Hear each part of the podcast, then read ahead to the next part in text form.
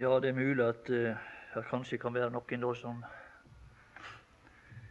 i kveld som kanskje hadde mer bruk for et, et møte med en ren innbydelse og et uh, evangelium om lammet til frelse. Men uh, jeg må da bare prøve å fortsette det emnet som jeg har tatt på meg, og prøve å belyse. Og Likevel så vil jeg bare si det til deg, om du skulle være her, som har dette behov. At det er en enkel sak for Han å frelse din sjel. Det er en enkel sak for Han. Han er i besittelse av alle de ting som du trenger.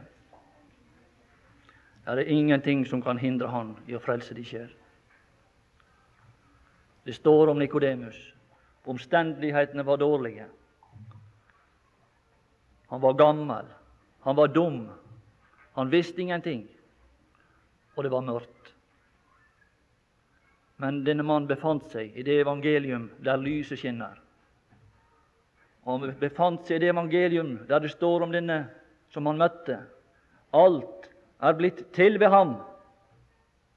Han møtte Han som skapte alt fra begynnelsen, og som etter at det hadde falt i grus, tok på seg å restaurere, gjenskape alt sammen. Og han kom til ham, men det var mørkt. Men det var lys den natt. Han var ikke avhengig av lyset ute. Han hadde lyset i seg, mens jeg er i verden. Er jeg verdens lys? Sett deg rola ned, min venn. Han kan frelse din sjel. Det er det enkleste sak i denne verden for han. For alle andre er det ganske umulig. Men han kom til ham om natten. Og han blei frelst denne natt. Han blei frelst denne natt. Sett deg rola ned, min venn. La han tale livets ord til deg. Alle blei til i Johannes evangelium. Peter blei til der. Johannes blei til der. Til og med døperen Johannes ble til der, på en måte. Jeg kjente ham ikke, sier han. Jeg kjente ham ikke. Sjøl døperen Johannes må si det. Det er en begynnelse i mitt liv. Men det er en om, det, det står om i begynnelsen var Ordet. Han var da alle andre måtte si at det var mørke. Og han er, om det er mørkt, om det er svart, om det er mulig, Hvorledes skal dette gå til? Bare vær still, vær still, Nikodemus. La han tale, og så løfter han opp i ørkenen. La han løftes opp for deg. Lytt til han. Vi vil bare knytte et par kommentarer til det første kapittel i Titus brev. Der står det om tomt snakk. Det var ikke det han førte den Herre Jesus den natt. Det var ikke et snakk som ikke beskrev den, virk den virkelighet. Det var et snakk som den Herre Jesus førte, som viste når, når straks Nikodemus prøvde å lene seg mot den virkelighet, så kjente han at det virka. Det fungerte. Når han søkte og prøvde å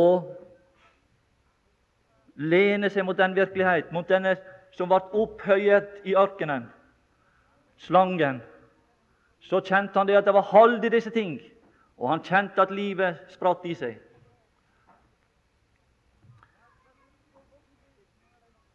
Tomt snakk, ord som beskriver ei virkelighet som ikke finst. For det er mange gjenstridige som farer med tomt snakk og dårer folks hu.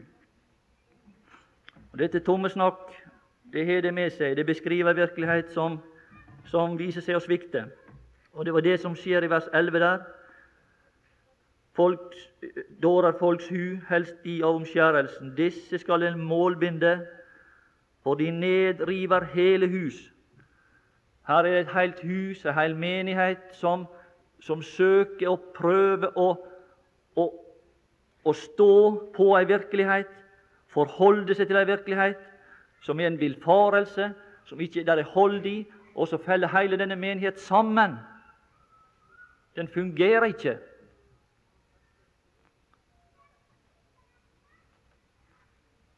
Det er det som er faren. Det er det som er faren i vårt liv på det private plan, og det er det som er faren for oss som menighet. Jeg går videre til vers 12. Her har vi da et vitnesbyrd fra folkedypet. Og her er det at vi får et vitnesbyrd av deres egen profet. Dette brevet er, som har sagt, en svært offisiell karakter. Og her er det det som har betydning. Her er det det som blir tatt fram. Hva som blir opplevd av omgivelsene. Og Det finner vi bl.a. i dette sjette vers. En som ikke har ondt ord på seg. Altså hva som blir sagt om vedkommende i folks samtale. Hva opplever folk? Hva møter de? Det er det som er tema her. Og Derfor er det også at denne profet slipper til med et utsagn i Skriften. En profet på Kreta. Med en uttalelse ifra folkedjupet, så kommer det fram her i Titus brev. Nettopp her. Kreterne er alltid løgnere, står der. Først har du løgnen. Først er du uvirkeligheten. Det som ikke korresponderer med sannheten. Så får du resultatet. Så får du ondskapen. Onde dyr. Og så får du latheten i tillegg. Late buker. Det er ei utvikling. Og Dette er nettopp i tråd med karakteren i dette brev. Overfor denne alltid nærværende løgn på Kreta, så viser Gud seg fram på sin måte, som i vers 2 der, den Gud som ikke lyver, som står for noe ganske annet. Hvordan makter Gud dette? Han lovte det evige liv, står det. Og gjennom dette evige liv som han lovte, så viser han nå fram det, som, det liv som han lovte, det viser han nå i denne tidsperiode fram til offentlig beskuelse. Et liv som er totalt annerledes enn det liv som ble beskrevet av denne profet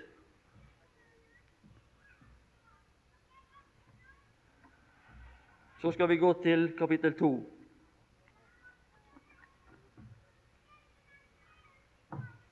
Og Dersom vi ser ned gjennom dette andre kapittel her i Titus brev, fra vers 1 og nedover, så nevnte jeg så vidt det her i formiddag, var det vel, at den sunnhet som her kommer til syne, av det forstår vi at, at mesteren, Læreren kan ikke være langt borte.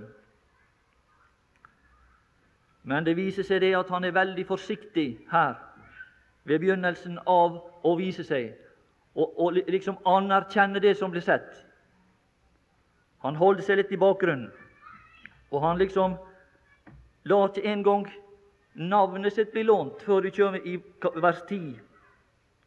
Da først tilkjennegir han dette at dette er Guds, vår Frelsers lære. Først er det bare læren. Men når resultatet begynner å bli godt, så liksom stiger han fram og sier at ja, ja, jeg må liksom, jeg må liksom godkjenne dette. Jeg må liksom sette, gi mitt stempel på det.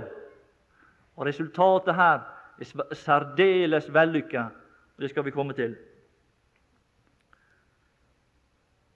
Det er ikke læreren personlig med en gang men gjennom sine elever så virker han frelsende på gamle menn, på gamle kvinner, står her, unge kvinner, unge menn, og endatil på tjenere har denne frelsende virkning vist seg fram.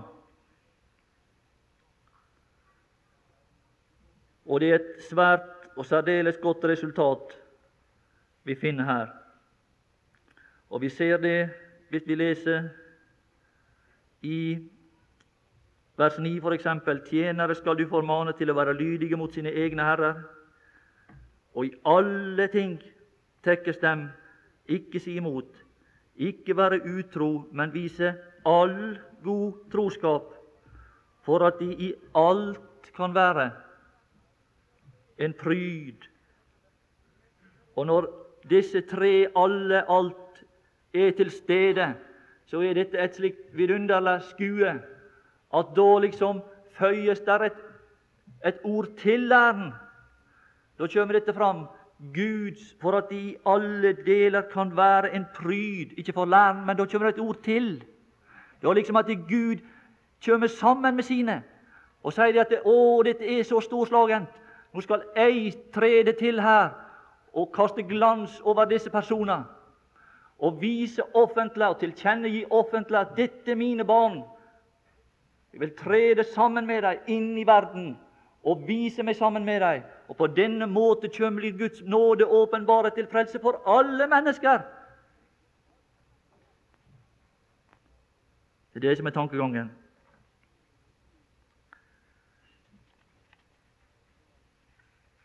Alle. Det er en fullkommen åpenbarelse av Guds vesen gjennom den troende. Og Legg nå merke til videre her i vers 11 den argumentasjon som Paulus fortsetter med her. For, sier han, Guds nåde er åpenbare til frelse for alle mennesker. Det som nå blir sagt, det er ei følge av denne fullkommenhet som vi så i vers 9 og vers 10. Guds nåde er på denne overnevnte måte åpenbart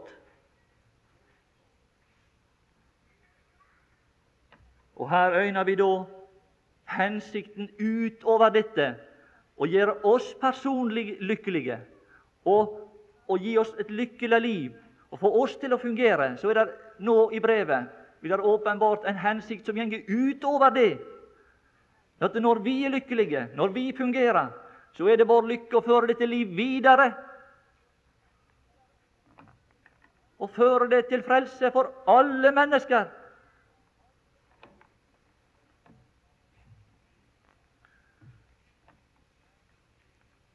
Og her er en åpenbarelse som ikke er den åpenbarelse som vi finner i vers 3.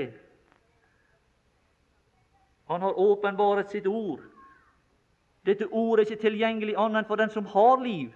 Men her er en åpenbarelse som er en synlig åpenbarelse indirekte gjennom den troende til verden. Et ugjenkallelig, umotståelig, uimotsigelig bevis på at Gud er en realitet på Kreta. Iblant disse der det ble sagt Kreterne er alltid løgnere, onde dyr, late buker. Og framifra disse personer som hadde dette vitnesbyrd, steig dette nye liv fram som en offisiell realitet, uimotsigelig for alle mennesker som ble vitne til dette. Det er dette som er selve tankegangen i Titus brev. Og det er dette som er, en, er karakteren i en eldstes liv. Å innsette eldste. Og Det er denne karakter Gud ønsker i alle, i kvinne og i mann. At den skal stige fram i vår personlighet. Så må ikke vi bli slik som vi nevnte før, at eh, Nei, dette er ikke for meg.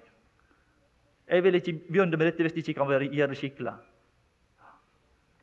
Ja, er ikke det bedre med litt, da, enn slett ikke? Er det vel det? Er det vel det?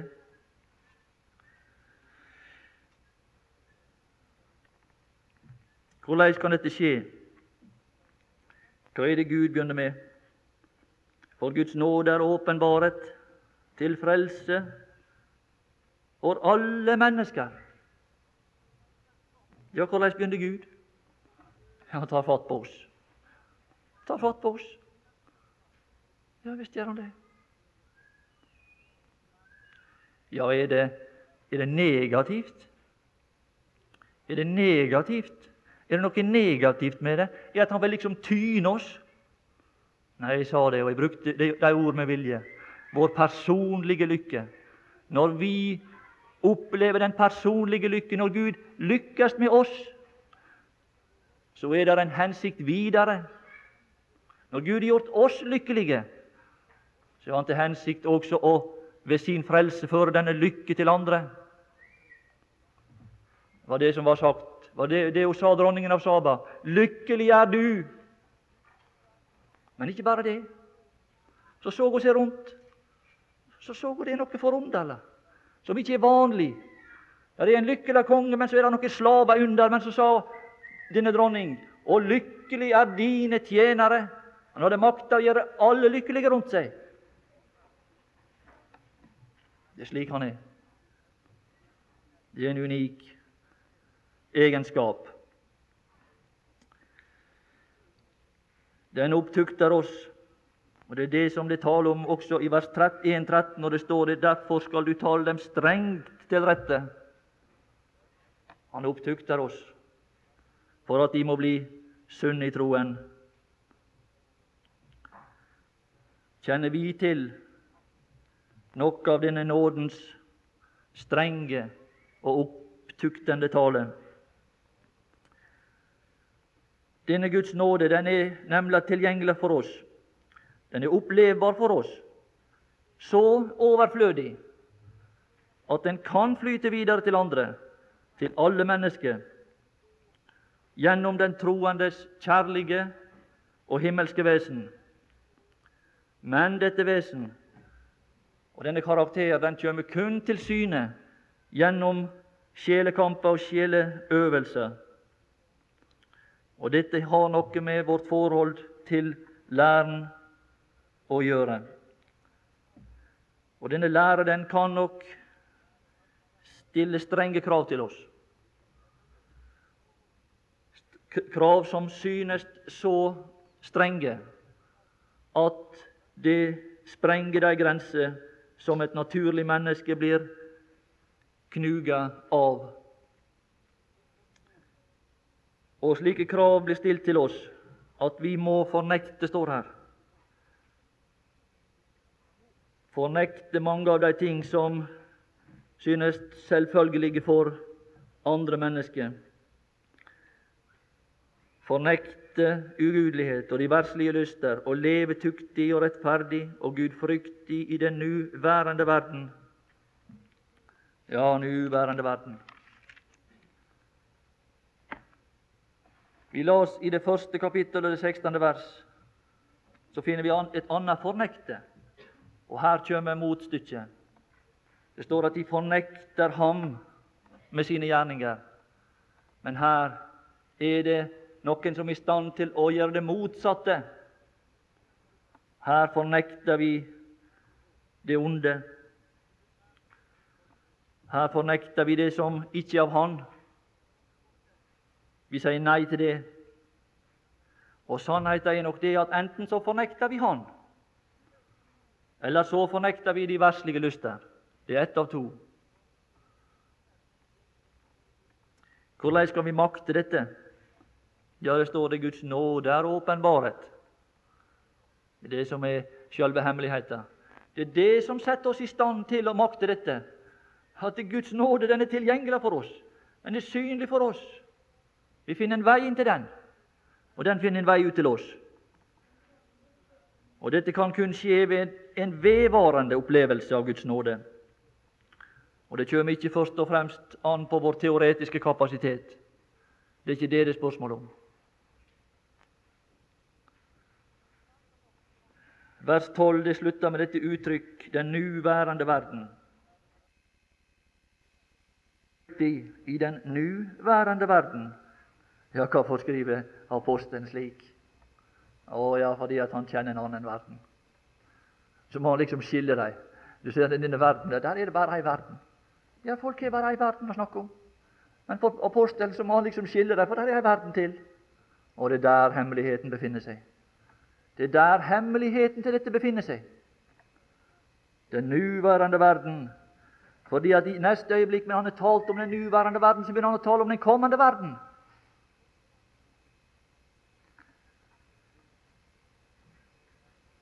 Han ser den andre verden. Mens vi venter, står det, på det salige håp og åpenbarelsen av den store Guds og vår Frelser Jesu Kristi herlighet.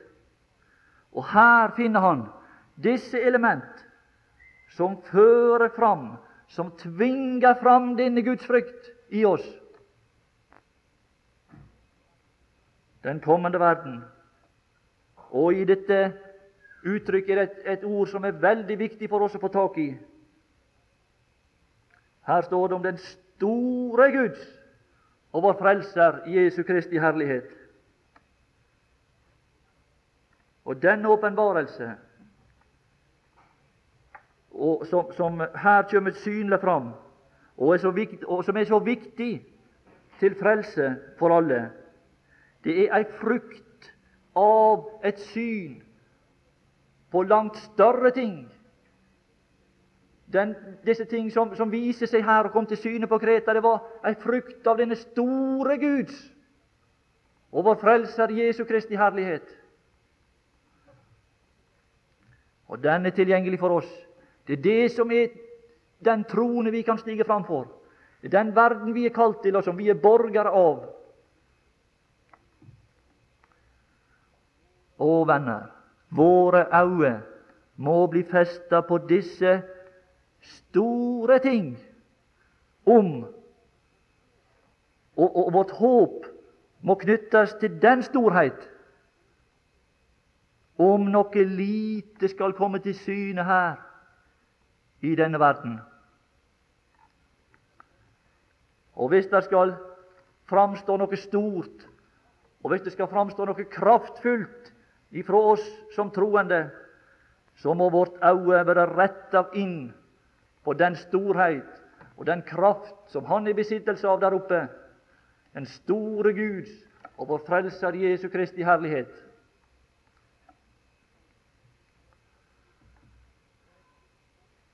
Da kan disse små virkninger, og så er det også dette med nåden som her står, disse små virkninger stige fram dersom våre øyne er retta på dette, på nåden og på den store herlighet som er tilgjengelig for meg og deg.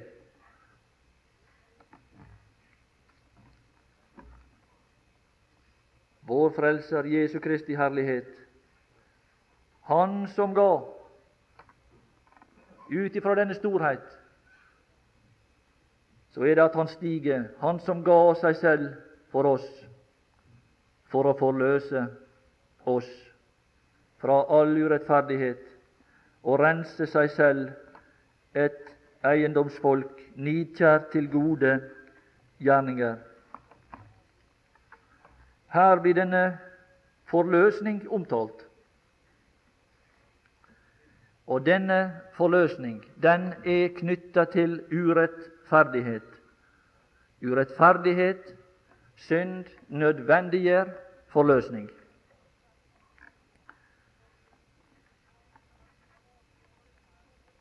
Og det handler her om verdier, penger, og penger eller verdier som må bli brakt fram for å kunne overta denne forløste personen på et rettferdig grunnlag. Det er det vi finner i Romerbrevet 3. Det er en verdi som må bringes inn der for at denne personen skal gå ut av rettssalen. Og Den må bringes til veie, og den finnes ikke i denne verden. Og den kan ikke bringes til veie av den som har forbrutt seg.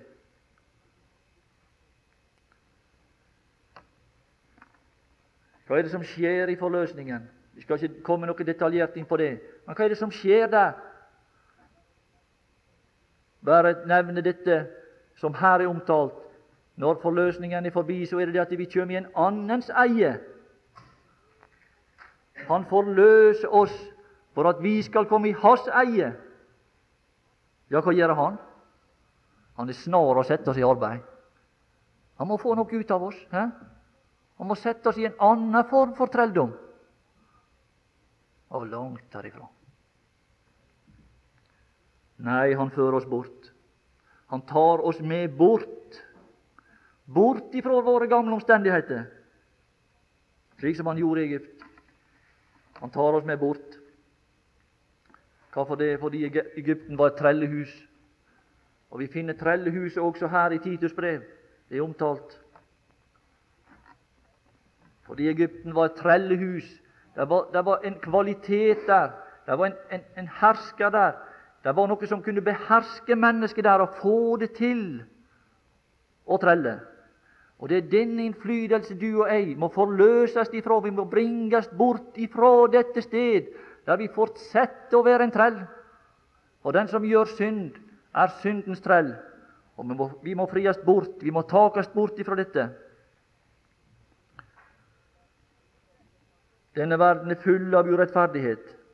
Han ville forløse oss, står det, fra all urettferdighet. Og det er dette han gjør ved å føre oss bort ifra vårt tidligere oppholdssted. Og så fører han oss, som Håkon sa, til seg selv. Hvorfor? For å rense oss der, hos seg selv. Det er her står fra all urettferdighet å rense Det er der Han må rense oss. Vi er det motsatt. Vi renser oss, og når vi renser oss, så sier vi da skal vi gå til Gud. Da er vi god samvittighet. Da skal vi gå til Gud. Så kommer vi aldri til Gud, for vi greier aldri å rense oss.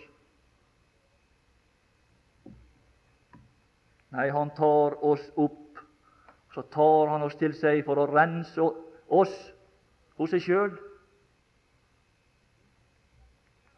Og dette er en nødvendig prosess for å komme til disse gode gjerninger som dette brevet beskriver. Og Når dette 14. vers slutter, så står det et eiendomsfolk nidkjært til gode gjerninger. Da kommer disse gode gjerninger fram, som dette brev hele tida har for øye. Men vi må gå veien, vi må gå prosessen. Og vi må komme inn i sammenhengen, så vi forstår dette.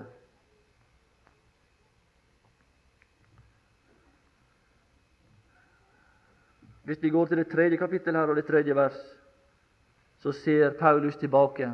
Så sier han For også vi var en gang uforstandige her i Egypten. Her er han billedlig talt i Egypten før at han ble forløst. For også vi var en gang uforstandige, ulydige, treller. Han var i Egypten av mangehånde begjæringer og lyster. Hvorfor var han det? Hva var grunnen? Ja, han, han fortsetter, så beskriver han det, så sier han det. Vi levde i ondskap og avvind. Han levde i det området der ondskap og avvind befant seg. og Derfor så produserte han dette liv. Vi var forhatt, og i denne, i dette, denne tilstand der jeg var og ikke kunne fri meg fra, så var det det som var produktet av mitt liv.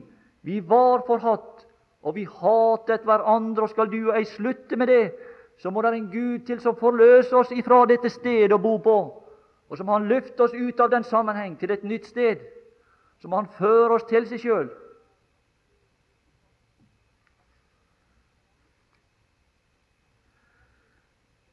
Hva lever vi igjen? Ja, det er det, det vi leser om. Det er det, vi, det historien forteller oss fra Egypten. At Gud hadde, hadde denne hensikt å få det til seg men de vendte ryggen til Gud, og så levde de i Egypten hele livet. Så snakker de om Egypten, og så var Egypten i deres hjerte hele livet, og slik kan det også bli med oss. Vi kommer aldri ut, selv om vi aldri mer kan, kan komme tilbake til Egypten. Så kan Egypten leve i oss. Det er det som er faren.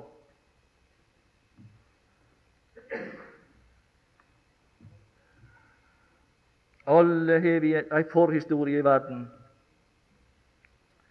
Kristus har kjøpt oss ut av Egypten, og Kristus han er til like kjøpt oss ut av verden. Og vi trenger ikke å leve i verden lenger. Verden er ikke vårt område. Da søk det som er der oppe. Ja, Jeg skal snart slutte, men det står bare bare nevne det. Du fører, står der i Andre Mosebok 15 og vers 13. Du fører ved din miskunnhet det folk som du forløste. Der skjedde ei forløsning i Egypten.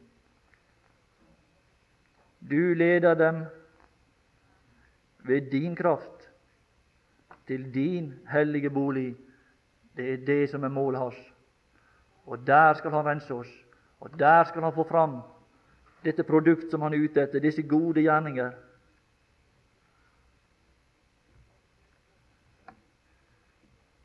Jeg vil frie dere ut, sier han, fra egypternes tunge byrde og utfrie deg fra trælearbeidet under dem. Legg merke til denne rekkefølge. Vi må først ut. Vi må først ut. Ut fra denne posisjonen, der vi kan beherskes, der vi kan regjeres, der vi kan tvinges til å træle, til å synde. Så kan vi bli frigjort. Og jeg vil ta eda til mitt folk, står det. Israel ble ført fra faraos makt til å komme under Guds herredømme. Og Da er det i den sammenheng det tale om det at du leder dem ved din kraft. Her er denne kraft som da blir tilbudt oss, en kraft som ikke var eksistert i Egypten, men det er en kraft som eksisterer for den som er frelst. Og Det er den kraft som både Paulus og Peter omtaler. En kraft til frelse for hver den som tror.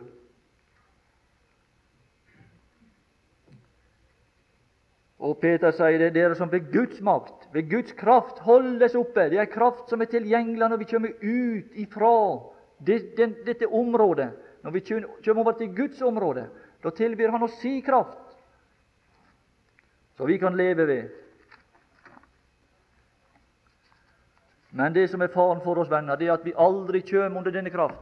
Vi kommer aldri inn under dette herredømmet. Vi kommer aldri inn og får oppleve at Han forfører oss til seg. Det er det som er det forferdelige. Bare til slutt nevne det at i Romerbrevet der utlegger Paulus denne tanke om forløsningen. Og Vi kan kanskje si det at de tre første kapittel i Romerbrevet de omtaler det som Titus brev kaller all urettferdighet, for å forløse oss fra all urettferdighet. Og Det er det som står framfor det tredje kapittel i Romerbrevet. Der er all urettferdighet beskrevet. Så kommer forløsningen inn der i kapittel tre. Det er forløsningen i Kristus Jesus. Da blir vi tatt ifra all urettferdighet. Og kapittel 3-5 taler om denne forløsning i Kristus Jesus. Men for kapittel 5, hva er det da som begynner å skje i Romerbrevet? Da er det det at han begynner å rense seg selv et eiendomsfolk. Da begynner han å rense seg selv et folk.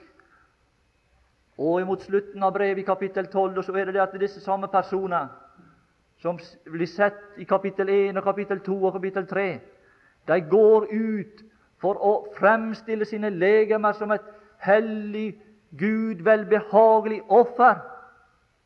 Ser du for ei forvandling? Nidkjær til gode gjerninger.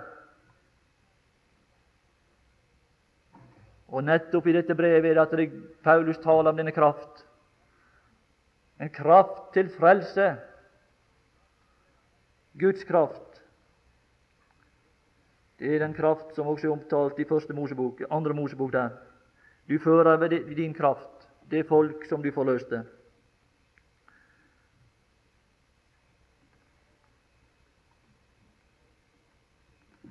Romerbrevet slutter ikke med kapittel 8, venner. Romerbrevet slutter ikke med kapittel 8 og Heller ikke Titus brev slutter før det fører fram denne fulle, modne frukt. Og Det er denne han ønsker å se i vårt liv. Det er på denne måten han ønsker å gjøre oss lykkelige. Og det er på denne måten han ønsker å gjøre å, rekke ei hånd ut til våre omgivelser. Og vi burde være interessert for vår egen del å nå denne lykke. Og vi burde være også interessert i å forstå hvordan vi kan nå. Hvordan skal det bli vekkelse, sier vi. Hvordan skal det bli vekkelse? Ja, les Titus brev. Det er slik det blir vekkelse. Det er slik det blir vekkelse. Det at den, den eldstes karakter blir innplanta i den troende. Du må aldri la de lure at det er kampanjer og, og, og, og møte, fellesmøte og slike ting som lager noe som helst i folkelivet. Det kan være anledning for folk til å bli frelst der. Men det er ikke det som skaper disse verdier som er nødvendig, som må stige fram om Gud skal bli sett og opplevd i denne verden. De blir skapt igjen på denne måte som her er beskrevet, og som Paulus særlig tar for seg i, i Timotius-brevet og i Titus brev.